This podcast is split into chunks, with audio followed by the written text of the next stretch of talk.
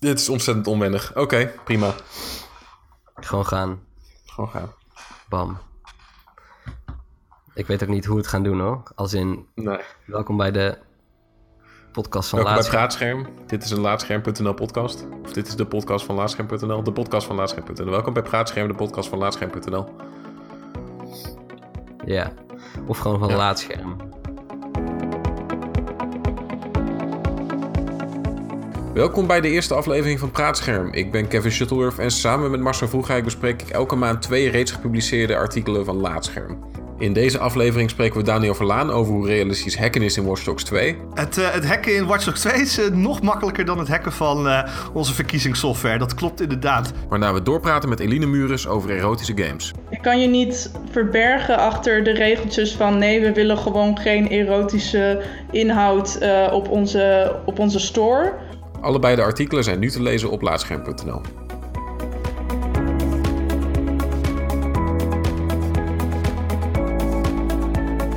Hoi Daniel, fijn dat je erbij bent. Hoi. Hoi. Hoi, vertel ons wat eh, over jezelf. Nou, eh, ik, ben, eh, ik ben Daniel, ik ben Daniel Vlaan. En ik werk als technologiejournalist bij RTL. Daar, daar werk ik voor RTL Nieuws en RTL Z. Ja, want recentelijk eh, kennen we jou waarschijnlijk van het, het ehm, erachter komen dat het hele stemsysteem bij ons eh, zo lek als een mandje is. ja, dat, dat was wel een leuk verhaal, ja. Ja, dat, eh, dat was na, na onderzoek met twee collega's van mij... Die, die mij daarbij hebben geholpen ook vooral... ehm, hebben, we, hebben we eigenlijk uitgevonden dat het, het stemsysteem... waarmee onze stemmen worden geteld, eigenlijk worden berekend... want je, je, je tekent zeg maar, op een papiertje wat je stem is... maar daarna worden ze eigenlijk in de computer ingevoerd. En eigenlijk alles wat op een computer wordt ingevoerd... is eh, eh, per definitie al onveilig. Ehm, dan moet je echt hele strenge maatregelen nemen... wil je dat veilig maken. En ehm, in het geval van het stemsysteem... ehm, waren er eigenlijk nauwelijks maatregelen of eigenlijk niet. Eh, dus het was vrij gemakkelijk voor een, nou, zeg een, een partij als Rusland... maar ook een partij als Amerika... om, om onze stemmen te hacken... en daarmee gewoon zetels aan één specifieke partij te geven. En dat hebben we blootgelegd. Om het even over je artikel te hebben dan gelijk. Eh, het hacken in Watch Dogs 2, eh, daar heb jij een eh, artikel over geschreven. Dat is alsnog een stuk makkelijker, toch? Het, eh, het hacken in Watch Dogs 2 is eh, nog makkelijker dan het hacken van eh, onze verkiezingssoftware. Dat klopt inderdaad. Het is zo makkelijk in Watch Dogs 2 dat het eigenlijk een beetje ja, lachwekkend is. Ehm, dat, dat, dat doet natuurlijk ook Ubisoft met een reden. anders speel je die game gewoon niet. Want hacken is in over het algemeen bijzonder saai en duurt het ook bijzonder lang.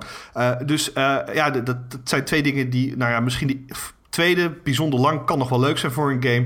Maar bijzonder saai lijkt me niet echt een goede eigenschap van een game. Eh, en dat heeft Ubisoft heel slim eh, eruit geknikkerd.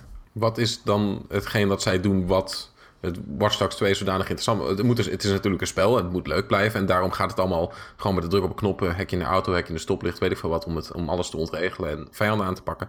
Maar wat doet Watch Dogs 2 dan... waardoor zij het toch enigszins realistisch kunnen laten ogen? Nou, ehm, zij schetsen vooral een, eh, een, eh, een toekomst waarin eigenlijk alles... Nou, eigenlijk is het bijna niet eens een toekomst meer. Het is nu de huidige, huidige samenleving bijna. Maar zij schetsen een, soort dystopie waarin alles te hacken valt. Echt alles. En ook met, echt met een druk op de knop. Ehm, en dat is op zich best wel realistisch, want eh, onze huiskamers en onze huizen worden steeds slimmer, om het zo maar te zeggen. Onze koelkast heeft bijna wifi. De wasmachine kan via een app laten weten wanneer die klaar is. Onze tv's hebben massaal eh, camera's en microfoons. Dus eigenlijk ons hele huis ehm, is eh, slim aan het worden.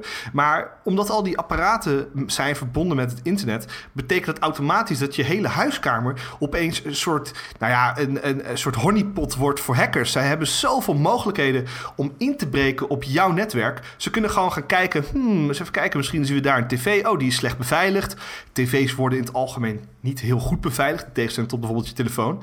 Dus dan kunnen ze via je televisie inbreken en bijvoorbeeld een webcam inschakelen eh, of microfoon inschakelen als je een smart TV hebt. Maar ze kunnen ook vanuit dat apparaat andere apparaten overnemen, makkelijker overnemen, omdat je al binnen hetzelfde netwerk zit. Dat is het wat makkelijker om een ander apparaat over te nemen. En dat laat Watch Dogs 2 vooral heel goed zien, dat als je op één plek binnen bent in een netwerk, hoe dan ook, dat je heel snel naar andere plekken kan gaan en zodanig iemands leven echt heel zuur kan maken. Juist, en dat is dus de extent van je artikel eigenlijk. We raden iedereen aan die er nu luistert om, voordat je verder luistert, eh, vooral nog even het stuk te gaan lezen op uh, laadscherm.nl. Uh, waar het gewoon live staat, als het goed is. Want de website is live en deze podcast is live. Je luistert hem, dus alles is live, live, live. Um, website trouwens heel slecht hackbaar, wil ik graag even benadrukken. Die is echt super goed beveiligd. Um, ik daag mensen uit om de site te hacken, dat vind ik altijd leuk. Nee, nee, nee, nee. nee. dit, gaat, dit, gaat, nu al helemaal fout. Uh, Daniel. De website gaat fout. Daniel, um, hoe, hoe moet ik dat voor me zien in... Uh, tenminste, mensen kennen uiteraard wel Watch Dogs 2. Maar uh, in je stuk staat ook dat jij het op een uh, manier hebt gespeeld... dat je eigenlijk juist niet... waar in Watch Dogs 1 kwam eigenlijk alles toch nog neer op achter een muurtje schuilen... en mensen doodschieten. Um, in Watch Dogs 2 heb jij het ook... Je bent ook echt vol in gaan zetten op hacks, toch? Ja, dat, dat, dat vond ik zo gaaf aan, aan Watch Dogs 2. Ik, ik heb allereerst heb ik enorm veel plezier gehad in deze game. Het is, het, is, het is niet echt een goede game, denk ik. Maar ik heb er wel heel veel plezier uh, uh, aan gehad. En uh, Watch Dogs 1, wat je net zei, is eigenlijk gewoon een soort halve shoot-em-up bijna. Het gaat bijna nergens over die game. Het is een slecht verhaal, slecht uitgewerkt. En wat je vooral doet, is gewoon je rent ergens heen om een computer te hacken. En in die, in die run, dat je naar het doelwit gaat, schiet je als een soort Rambo 30 man af of zo. Dat is niet hoe een hacker te werk gaat, zeg maar in het algemeen. en in Watch Dogs 2 is dat zeg maar heel erg goed aangepakt. de mensen die nog steeds houden van als een dwaze rondrennen en schieten, hebben die mogelijkheid. Dat is gewoon. Je kan nog steeds met een AK-47 naar binnen rennen in, in een soort NSA-security gebouw en iedereen doodknallen als je dat zou willen. Maar wat ik heb gedaan, en wat ik denk dat misschien wel de meeste spelers die Watch Dogs 2 uh, uh, hebben gespeeld ook hebben gedaan, is ik ging gewoon zonder iemand te zien proberen uh, mijn doelwit te bereiken. En uh, dat, daar had je eigenlijk twee hele toffe dingen voor. Uh, je had twee accessoires heb je in Watch Dogs 2. Dat is een drone en een soort op afstand bestuurbaar autootje. En met die twee accessoires kun je eigenlijk bijna elk level uitspelen. Elke missie kun je daarmee uitspelen. Soms moet je zelf nog een beetje manoeuvreren. Dat je echt iets, zeg maar, fysiek moet hacken. Maar dat, dat, uh, met die drone kun je bijvoorbeeld al heel goed de omgeving scannen. Kijken waar mensen zijn. Uh, alvast dingen platleggen. Dingen laten ontploffen. Um, en dan met dat autootje kun je eigenlijk gaan rijden naar het doelwit toe. Bijvoorbeeld een computer waar je een USB-stick in moet stoppen. En dan gaat er uit dat autootje komt er een soort armpje. En dan kun je eigenlijk al uh, van op een afstand, dat terwijl je buiten het gebouw zit, gewoon die hele missie uitspelen. En dat is echt veel gaver en veel uh, spannender ook, omdat je echt heel goed moet timen en een strategie moet hebben voordat je die missie begint, uh, dan gewoon maar lukraak uh, in de rond te schieten met je, met je geweer. Ik heb even een belangrijke vraag over die robotarm met die USB-stick. steek je als robot die USB-stick er in één keer goed in? Want anders is het sowieso ja. totaal niet realistisch als dat, als dat het geval is. Ja, uh, dat, is, uh, dat is eigenlijk echt heel geestig dat je dat aanhaalt. Dat dacht ik namelijk ook. Uh, die, die arm gaat eruit. Die arm is echt mega lang voor dat autootje. Zeg maar, in opgeklapt. zeg maar, als die opgeklapt zou zijn, dan zou die er ook nooit in passen. Maar goed, het is een game. Dus dat ding gaat er in één keer uit. En ondanks de verschillende hoogtes, de verschillende ingangen. Want de USB-ingang, de oude USB-ingang, USB 2.0, kan andersom zitten. Dus je moet, dat ken je waarschijnlijk wel. Als je een USB-stick ergens instopt, moet je altijd even omdraaien, want dan heb je een fout. Nou, dat is dus ook ook nooit aan de orde. Hij gaat er altijd in één keer precies goed in. Ja, dat, oh, dat nee. slaat natuurlijk gewoon helemaal nergens op. Want normaal gesproken in de echte wereld, al zou je zo'n ding hebben, zou je eerst die hoogte heel goed moeten inschatten. Eh, een beetje omlaag, een beetje omhoog, een beetje omlaag. Oké, okay, probeer. Ah, shit, verkeerd Tom. Oké, okay, weer terug, weer terug, weer terug. En dan weer draaien, draaien. Nou, en dat is eigenlijk een normale ja, uh, uh, nou, als ik het goed heb, is het gewoon nog USB 2.0. Want USB-C zou een kleinere USB-stick moeten zijn. En dit waren de normale formaat USB-stick. Oké, okay, oké, okay, fair enough. Daar kan ik mee, kan mee komen. Wat ik wel vind, is dat Watch Dogs 2 uh, de hackercultuur uh, uh, best goed weergeeft. Je hebt, de hackercultuur bestaat uit een hele nou ja, diverse mensen vooral. Um, en ze hebben een, een, een, dame erin, ze hebben iemand met een masker erin, ze hebben een, een donkere hoofdrolspeler, wat al heel gaaf is en gewaagd is voor een Ubisoft game. Um, en het is best wel een bonte gezelschap van, van mensen. Er zit ook een oude surfer in. En dat is ook een beetje de hackercultuur. Je ziet niet zo snel wie er een hacker is. De hacker in het standaard type hoodie, dat is maar één stereotype van de hacker.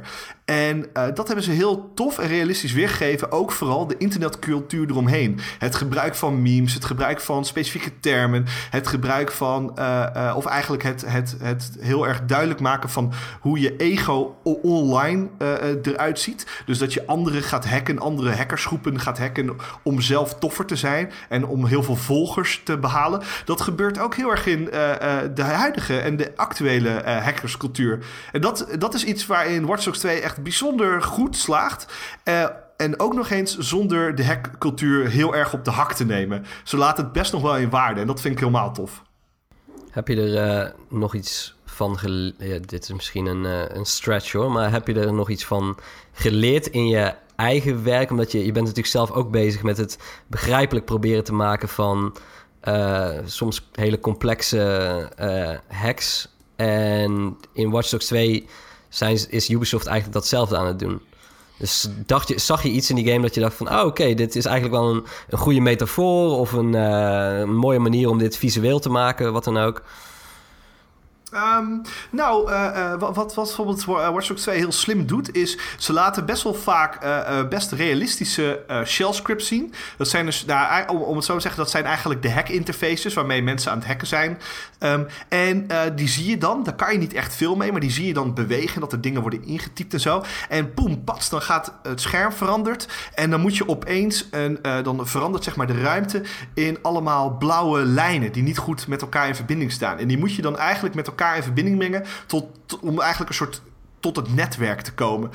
En op zich is dat een hele goede metafoor voor het hacken aan zich. Je moet via ingangetjes elke keer een kwetsbaarheid op een kwetsbaarheid koppelen vaak om ergens binnen te komen. het, het, is niet zomaar een, e-mailadres en een wachtwoord raden of zo. Het is echt vaak in een, via een, uh, ergens een gaatje vinden, via dat gat binnenkomen. Daar kijk je of je weer een gaatje kan vinden en zo steeds wat verder komen. En dat, dat was best wel een eye-opener voor mij, dat ze dat heel slim hebben gedaan door uh, eigenlijk het hacken heel visueel te maken. Je moet, het is echt spelletje waarin je moet kijken: hmm, hoe kan ik die verbinding naar die verbinding krijgen zonder dat alle andere verbindingen wegvallen. En dat is in feite een soort van visuele voorstelling van hacken. Dat vind ik heel knap en leuk gedaan. En dat is voor mezelf, um, uh, uh, als, ik, als ik over eh, hacken schrijf, um, kan ik, nu gebruik ik ook veel vaker de terminologie dat je via een gaatje een ander gaatje zoekt om zodoende bij je doelwit te komen. Dat, dat, dat heb ik eigenlijk een beetje van Watch Dogs gestolen. Is dat ook een, een, een, aspect wat in Watch Dogs 2 aan bod komt, zeg maar midden de persoonlijke gevolgen van het hacken. Want je, je focust je natuurlijk op. Je bent een, een ethisch hacker en ook een, mats, een, een politiek hacker. Uh, dus je focus je wel op grote doelwitten. Maar zit er ook uh, een stukje van dat in, zeg maar? Dat je gewoon de persoonlijke levens van mensen.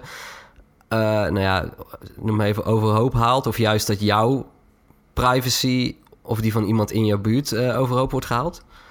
Nou, ja, je hebt, je hebt uh, zeg maar uh, de kleinere missietjes, uh, zeg maar de zijmissies, die, die gaan vaak eigenlijk om ja, de, de, de vorm van ethisch hacken. Dus er heeft, jij hoort iemand van iemand dat iemand iets fout heeft gedaan, een persoon, en dan ga je die hacken om die persoon terug te pakken. Bijvoorbeeld omdat hij een meisje de prostitutie in heeft geholpen. Of zeg maar zo'n verhaaltje achter. Maar wat een, wat een super mooi voorbeeld is van zeg maar het soort van ethisch hacken, is is uh, de situatie met Martin Shkreli. Um, ik weet niet of jullie hem kennen, maar dat is uh, eigenlijk uh, de CEO van een farmaceutisch bedrijf. Hij bestaat ook in het echt. um, en hij heeft een medicijn eigenlijk, zeg maar, een medicijn opgekocht, de, de, de rechten daarop. En heeft toen de, het, zeg maar, het, de kosten ervan enorm verhoogd om het te kopen. Dus dat medicijn is super duur. En eigenlijk hebben ze zijn situatie um, uh, in Watch Dogs 2 nagemaakt. Um, en uh, uh, zeg maar, je moet dan die persoon hacken. En eigenlijk de bankrekening hacken van die persoon. Dat, dat, dat doe je dan eigenlijk via zijn laptop te hacken. En je doneert het geld als hacker aan een bedrijf dat medisch onderzoek doet naar de ziekte waar dat medicijn tegen, tegen strijdt. En uh, zoiets is bijvoorbeeld best wel leuk gevonden, omdat het een, nou ja, het speelt een beetje in op de actualiteit. Want die Skrelly, um, die misschien bekender is geworden omdat hij het, het, enige Wu-Tang Clan album heeft gekocht waar maar één kopie van is. Um, en dat heel tof ging lopen doen op Twitter erover. Um, daar is hij wat meer bekend van. het is heel leuk dat ze daarop inspelen en dit soort uh, eigenlijk echte situaties uit het echte leven soort van nabootsen en zij een soort indirect zeggen van nou, als je hem zou kunnen hacken, dan zou dit wel lekker zijn om te doen. Al dat geld wat hij heeft verdiend met dat medicijn, doneren aan een goed doel. Nou, dat, dat geeft wel een vorm van dat. Het, nou ja, het is absoluut geen ethisch hacken, dit overigens. Um, maar wel een soort het, een, een ethisch aspect uh, uh, aan het hacken aan zich. Zou je zelf, heb je nog de ambitie om. Kijk, je, houdt natuurlijk van games en je zit toch ook indirect wel in het wereldje. Je hebt de, contacten om misschien uh, zelf nog eens mee te willen werken aan een dergelijk project. Om te zeggen van nou, ik, het lijkt me heel tof om een game over hacken te maken om, of, of daaraan bij te dragen. Uh, nou, um, uh, op zich, uh, um, wat, wat, wat Ubisoft heeft gedaan, um, die hebben ook hackers en beveiligingsbedrijven geraadpleegd. eigenlijk een soort van advies gevraagd van, hey, wij doen dit en dit en dit allemaal in de game met hacken. klopt dat? Is dat een soort van realistisch? En zij hebben gewoon wat, wat tips gegeven. bijvoorbeeld, een leuke tip van dat beveiligingsbedrijf, oh, ik weet even niet meer de naam, volgens mij was, ja, was Kaspersky in ieder geval. dat, is, dat is een bekend uh, beveiligingsbedrijf, die zeiden van hey, het is veel makkelijker, um, uh, of eigenlijk veel realistischer, om uh, alle slimme apparaten in de game, dus hè, slimme stoplichten, om het zo maar te zeggen, slimme dildo's, weet ik veel wat, om die een IPv6 IP-adres te geven. Een IP, IPv6, dat is een soort nieuwe IP-adres. We gebruiken nu allemaal IPv4. die raken een beetje op al een paar jaar. Dus al die slimme nieuwe apparaten zijn, worden vaak voorzien van een IPv6-adres, zodat we daar, daar hebben we er gewoon veel meer van. En ze zeggen eigenlijk voor al die nieuwe slimme apparaten, die moeten eigenlijk een IPv6-nummer uh, uh, krijgen. En dan is het eigenlijk veel realistischer. En dat klopt ook inderdaad. En dat soort kleine dingetjes, dat zou ik ook super leuk vinden om uh, daarin te adviseren bij een gamemaker. Het ding is wel, ze kunnen beter een echte hacker vragen uh, of een echte uh, uh, pentester, zoals dat heet. Dat zijn eigenlijk gewoon beveiligingsonderzoekers die hacken om kwetsbaarheden voor bedrijven aan te tonen. Die kunnen ze beter raadplegen dan ik. Um, ik, ik interview mensen en dan schrijf ik het begrijpelijk op wat ze zeggen. Dat is vooral mijn werk.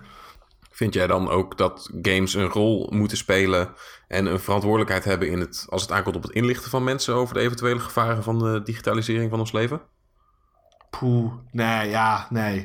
Ik wil de, die, dat wil ik niet uh, aan, uh, aan games overlaten. Ik denk dat daar, uh, dat daar media, nieuwsmedia, veel beter voor zijn en veel belangrijker. Ik denk dat een game vooral moet kijken naar of het leuk is en of het zeg maar ethisch verantwoord is ook en zo. Ik, ik vind het bijvoorbeeld veel belangrijker dat ze de hackcultuur in, in waarde laten. Dat ze een leuke game hebben gemaakt die draait over hacken en toch nog je een beetje wat opsteekt over hoe gevaarlijk het digitale leven kan zijn. En vooral ook dat ze eens een keer hebben gekozen voor een uh, donker hoofdpersonage. In plaats van het stereotype bleke witte jongetje op zijn zolderkamertje. De, het hoofdpersonage is echt een super, super gave gast. Uh, die, die ook nog eens heel erg flamboyant wel een beetje is of zo. En ook wel heel soort laid back is. Het is een heel, hele gave hoofdpersonage die je totaal niet zou verwachten bij een hacker. Dat vind ik een veel gewaagdere keuze dan uh, hen eigenlijk zeggen van... nee, jullie hebben het hacken niet realistisch genoeg weergegeven. Of jullie hebben niet goed genoeg laten zien wat uh, het allemaal uh, de gevaren zijn. En om heel eerlijk te zijn, uh, de gevaren van hacken op dit moment voor, nou zeg maar, de mensen die nu luisteren, waarschijnlijk is gewoon dat ze op een verkeerd linkje klikken. Of een verkeerde bijlage openen. Of een verkeerd bestand downloaden en dat openen op hun computer. Waardoor ze ransomware installeren. Waardoor ze hun bestanden kwijt zijn op een computer. Dat is echt de meest realistische dreiging voor wie dan ook op dit moment eigenlijk als je geen target bent van de AIVD of zo. Dus um, in feite is dat ook vooral je dreiging. En uh, ja, daar hoeven ze niet echt per se voor te waarschuwen. Jij uh, onderschat denk ik uh, hoe belangrijk onze luisteraars zijn. dat, uh, ik ben graag, ah, mocht je luisteren en je bent een AIVD-target, neem vooral even contact met me op, want ik ben heel benieuwd naar je verhaal. Oké. Okay. Goed, na een korte pauze spreken we Eline Mures over erotische games. Tot zo!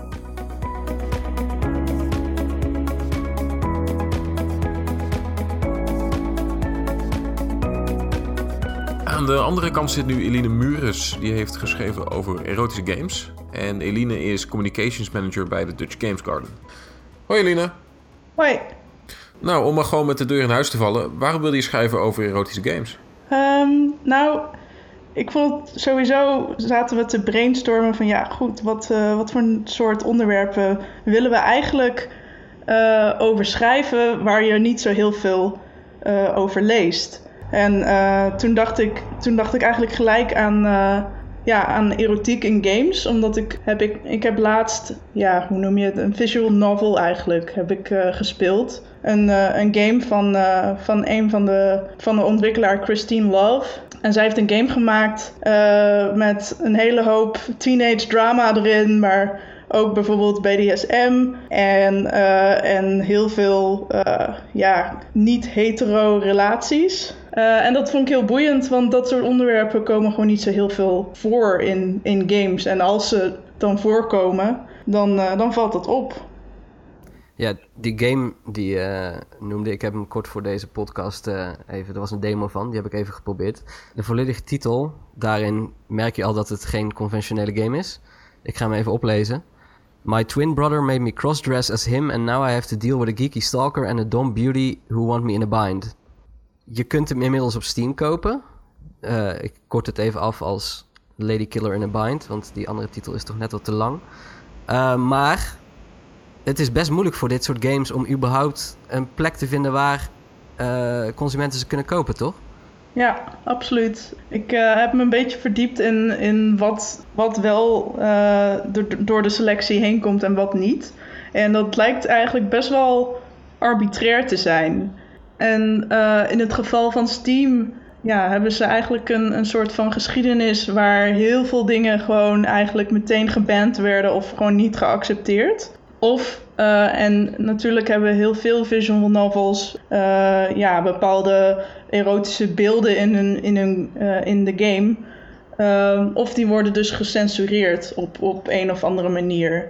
Dat kan visueel, maar dat kan ook in tekst bijvoorbeeld. En nou ja, wat, wat het resultaat daarvan is, is dat je dan vervolgens fans hebt die helemaal boos worden. En, en die game dan vervolgens niet meer op Steam kopen, maar elders waar het niet gecensureerd is ja, op andere platforms ja, wordt het ja, soms wel helemaal getolereerd. Maar dat zijn dan vaak de kleinere uh, platforms. En nou, een, een platform als, als, Apple bijvoorbeeld, die, die cureert ook op zo'n manier. Uh, maar ook daar zie ik zoveel ja, vrij willekeurige keuzes lijken het. Want nou ja, goed, je, je ziet een aantal games die, die komen niet door de selectie. Dat zijn dan nou, bijna educatieve apps waarin vrouwen leren uh, masturberen. Want heel veel vrouwen die, die kunnen dat niet, of die, hebben, die vinden dat vies, of die hebben nooit echt de tijd voor genomen. Nou, zoiets wordt dus geband, terwijl er helemaal niet echt ja, visuele elementen in zitten, alleen maar tekeningetjes. En aan de andere kant heb je wel weer duizenden apps van waar je een foto bijvoorbeeld uh, kan, kan uploaden en, en de borsten van iemand kan laten bewegen, bouncen of ja, allerlei uh, truth or dare-achtige apps, dirty versions van Never Have I Ever. Of uh, ja, allemaal dat soort uh, spelletjes. Dus het is echt, ja, het is eigenlijk een heel lastig onderwerp, geloof ik, voor heel veel mensen en, en bedrijven dus ook. Het is daarnaast ook gewoon munitie voor, uh, voor pesten bijvoorbeeld. Ik, ik, ken, ik heb een verhaal gehoord van van een meisje die ik ken. En nou ja, goed, zij heeft grote borsten. En haar klasgenoten hadden haar foto dus gewoon in die app geladen. En zaten gewoon met haar borsten zo te, ja, te, te bouncen, laat ik het zo zeggen. En dat is gewoon heel erg uh, ja, schadelijk voor, voor, voor jezelf en je, en je, je zelfvertrouwen. Je, je creëert ook een zo toch ja, onbedoeld of misschien zelfs... Ja, je creëert een maatschappij waarin ja, of een verwachtingspatroon bij mensen van... oké, dit soort seks of erotiek, dat is blijkbaar wel normaal. Maar een app over zelfbevrediging voor vrouwen, dat is niet. Waarmee je dus, dus aangeeft, het een is wel geaccepteerd, het ander niet. Dat is sowieso heel raar natuurlijk. En dat geeft ook een signaal af aan mensen die dat zien. Ja, hoe ga je die mensen het ooit tot ze door laten dringen dat zeg maar die twee gewoon aan elkaar gelijk staan. Ja, het is eigenlijk een bijna politieke keuze die, die zo'n bedrijf dan maakt. Zo van ja, dit wel en dat niet. Uh, je kan hier niet neutraal in staan. Je kan je niet verbergen achter de regeltjes van nee, we willen gewoon geen erotische inhoud uh, op, onze, op onze store. Want het een laat je wel toe en het ander niet. En waar, waar ligt die grens dan? Het is dan te hopen dat, dat ze dan ooit een keer gaan denken van oké, misschien moeten die regels dus uh, anders worden ingedeeld. Hoe zie je dat eigenlijk bij ja, mainstream games nu gaan? Is dit daar dan een beetje vooruitgang in ten opzichte van um, bijvoorbeeld... Nou, laten we een voorbeeldje noemen, Mass Effect. Dat is echt een van de eerste games waarbij ik mij dat echt opviel. Is dat je inderdaad uh, een, een, een, een, personage had en een ander personage. En die begonnen dan met zoenen. En dan ging volgens Fade to Black. En dat was het dan. En dan heb je seks gehad. Punt. Klaar. Maar dat is, is, super kort door de bocht. En het was helemaal niet uitgebreid toen. Laat staan in achtneming van LGBTQ. Uh, en dat, dat, ja, ik, in mijn optiek zijn we al een klein beetje verder. Maar zie, zie jij dat terugkomen in mainstream games tegenwoordig? Nou, het is heel lastig om zo'n patroon te ontdekken. Omdat je natuurlijk altijd in het hier en nu bezig bent. En pas veel later, jaren later, merk je: oh, er is wel degelijk een verandering of niet. Ik denk in de zin van seks laten zien dat er niet echt heel veel is veranderd. Want je hebt nog steeds heel veel fade to black uh, situaties. Maar ik denk wel dat er meer veranderd is in de zin van de relaties die er kunnen ontstaan. Dus inderdaad dat je uh, homo of, of trans of queer relaties hebt. En dat dat in ieder geval vaak, vaker een optie is. Dat, dat is mijn indruk althans.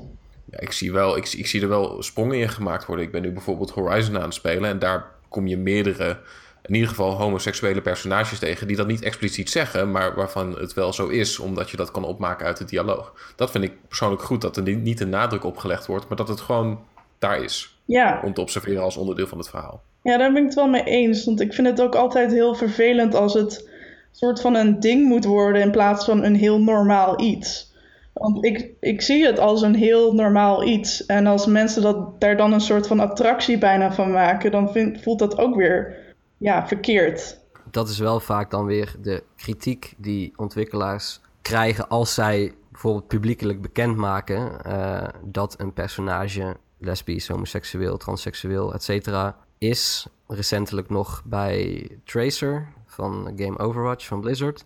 Dat mensen dan het daar pertinent mee oneens zijn. Omdat zij zeggen, ja, waarom druk je het zo in, in, ons gezicht? Waarom, waarom moet dit überhaupt een ding zijn?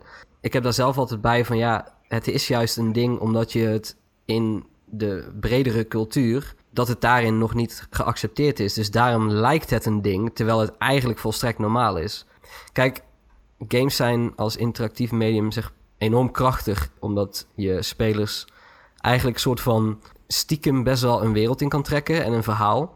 En als je het dan over seks hebt, dan heb je wel een heel krachtig middel om mensen op een toch een, ja, een veilige, bekende manier met uh, andere vormen van seksualiteit kennis te laten maken.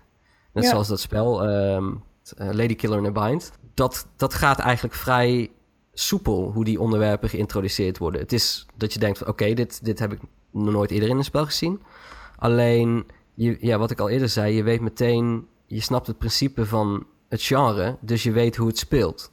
Ik ben wel heel blij dat zo'n game bestaat, omdat ja, als er maar een paar mensen zijn die dit spelen en op die manier zeg maar ontdekken dat, er, dat zij zichzelf daar heel erg mee identificeren, dan, dan zijn we al zover. Het, grappige aan, aan die game vind ik vooral dat, het, dat de dingen gebeuren gewoon. En het is niet dat je eerst een heel punt van moet maken of zo. Je komt op dat schip aan, daar zitten al je klasgenoten, of tenminste de klasgenoten van, van je uh, tweelingbroer. En zij beginnen gewoon met je te flirten. En het maakt niet uit of dat nou een man of een vrouw is. Uh, iedereen gewoon, begint gewoon met je te flirten. En je kan er natuurlijk voor kiezen om terug te flirten of juist heel koud te zijn. Maakt niet uit. Maar als je inderdaad daarop ingaat dan gebeuren de dingen gewoon ja, vrij, vrij rap en, en worden de dingen ook gewoon seksueel. En er is niet een punt waarop mensen zeggen, nou ja, ik moet je toch even vertellen, ik ben, uh, ik ben homoseksueel. het, het, is heel, het voelt heel natuurlijk of zo. Oké, deze twee mensen hebben een klik en uh, die doen daar iets mee. Of die doen daar niet iets mee. En dat vind ik wel mooi, want vaak in films ook wordt het een soort van ding gemaakt in plaats van dat het gewoon gebeurt. Vind je juist belangrijk dat mensen er luid over zijn, zodat eventuele veranderingen kunnen plaatsvinden? Ja, ik denk dat het goed is om het aan te wijzen. En inderdaad, dan kan je, je kan natuurlijk gewoon zelf je conclusie uh, trekken van ja, hoe, je, hoe je hierover nadenkt. Maar kijk, het, het feit blijft dat het gewoon een moeilijk onderwerp is voor heel veel mensen. Of je het nou hebt om hè, erover te praten of gewoon puur het, het zien ervan. Uh, of dat nou uh, ja, bepaalde relaties zijn homoseksuele relaties bijvoorbeeld. Of dat dat juist gewoon het, fysieke aspect van seks in beeld, dat mensen daar gewoon niks van moeten hebben.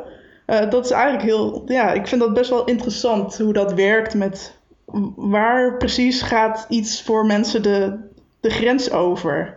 Ja, want uiteindelijk is natuurlijk het, de mooiste utopie is dat iedereen zonder reserveringen er makkelijk over kan praten en het zonder taboe en weet ik veel wat voor ongemakkelijkheden dat dat dat, dat er heersen die er eigenlijk niet hoeven zijn, uh, dat het gewoon bespreekbaar is.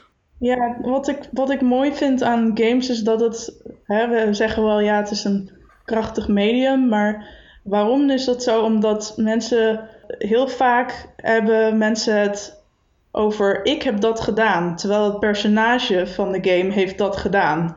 Dus wat dat aangeeft is dat mensen zich heel erg zichzelf voelen in die game, alsof zij het beleven en niet het personage in de game. En je merkt het ook als mensen, uh, mensen een game spelen, als, uh, als let's player bijvoorbeeld. In het begin zitten mensen nog helemaal niet in de game en dan zeggen ze vaak van wat doet hij nou? Of ja, hij gaat nu iets, uh, iets stoms doen. Of nou ja, hebben ze het heel vaak over hij, hij, hij. En op een gegeven moment slaat dat om naar oh, ik doe dat. Oh, ik moet even dit doen. Oh, uh, ik, ik ben nu dood. Dus dan wordt het opeens een ik. En dat is heel erg interessant om, om te zien van oké, op, op een gegeven moment is die afstand tot de game niet meer zo groot en gaan ze het ervaren alsof zij het zelf zijn.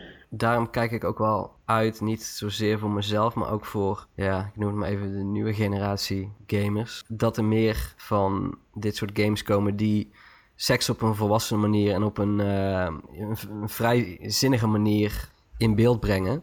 Of op zijn minst behandelen. Ik denk dat het goed is als mensen daar de ruimte voor krijgen om daarmee binnen een game gewoon vrij mee te experimenteren. Want ja, ik, ik, ik vraag me af wat dat met mij had gedaan als ik dat zeg maar op mijn twaalfde bijvoorbeeld al games aan het spelen was. Oké, misschien twaalfde is misschien net iets te vroeg trouwens.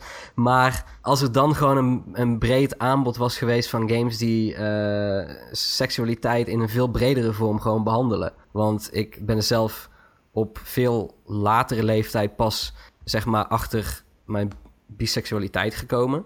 En dat heb ik natuurlijk in games eigenlijk louter. Iedereen, ieder personage was daarin gewoon heteroseksueel.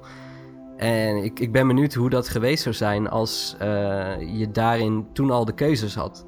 Om, ja, ik, ik, ik denk dat het best wel in, in veel mensen toch iets kan, kan losmaken. En dat ze een, een bepaalde herkenning erin zien. En dat ze dan daar ook al veel eerder over na gaan denken. Wat hopelijk ook stimuleert dat het minder weggedrukt wordt. Ja. Want dat is natuurlijk wat je, wat je wilt voorkomen, is dat je het gaat, gaat onderdrukken.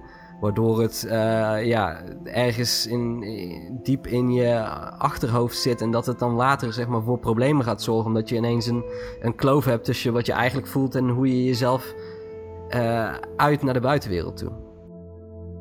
Dus daar, daar kijk ik wel naar uit. Dat het gewoon geaccepteerder wordt. Omdat ja, dat gaat denk ik voor veel mensen gewoon iets heel positiefs opleveren.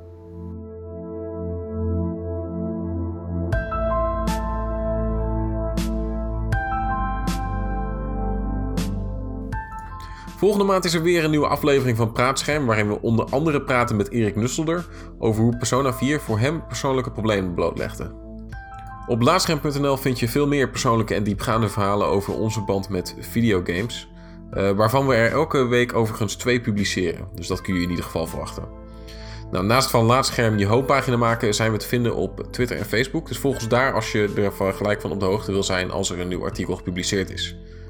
Namens de hele Laatschermredactie, bedankt voor het luisteren en tot de volgende keer.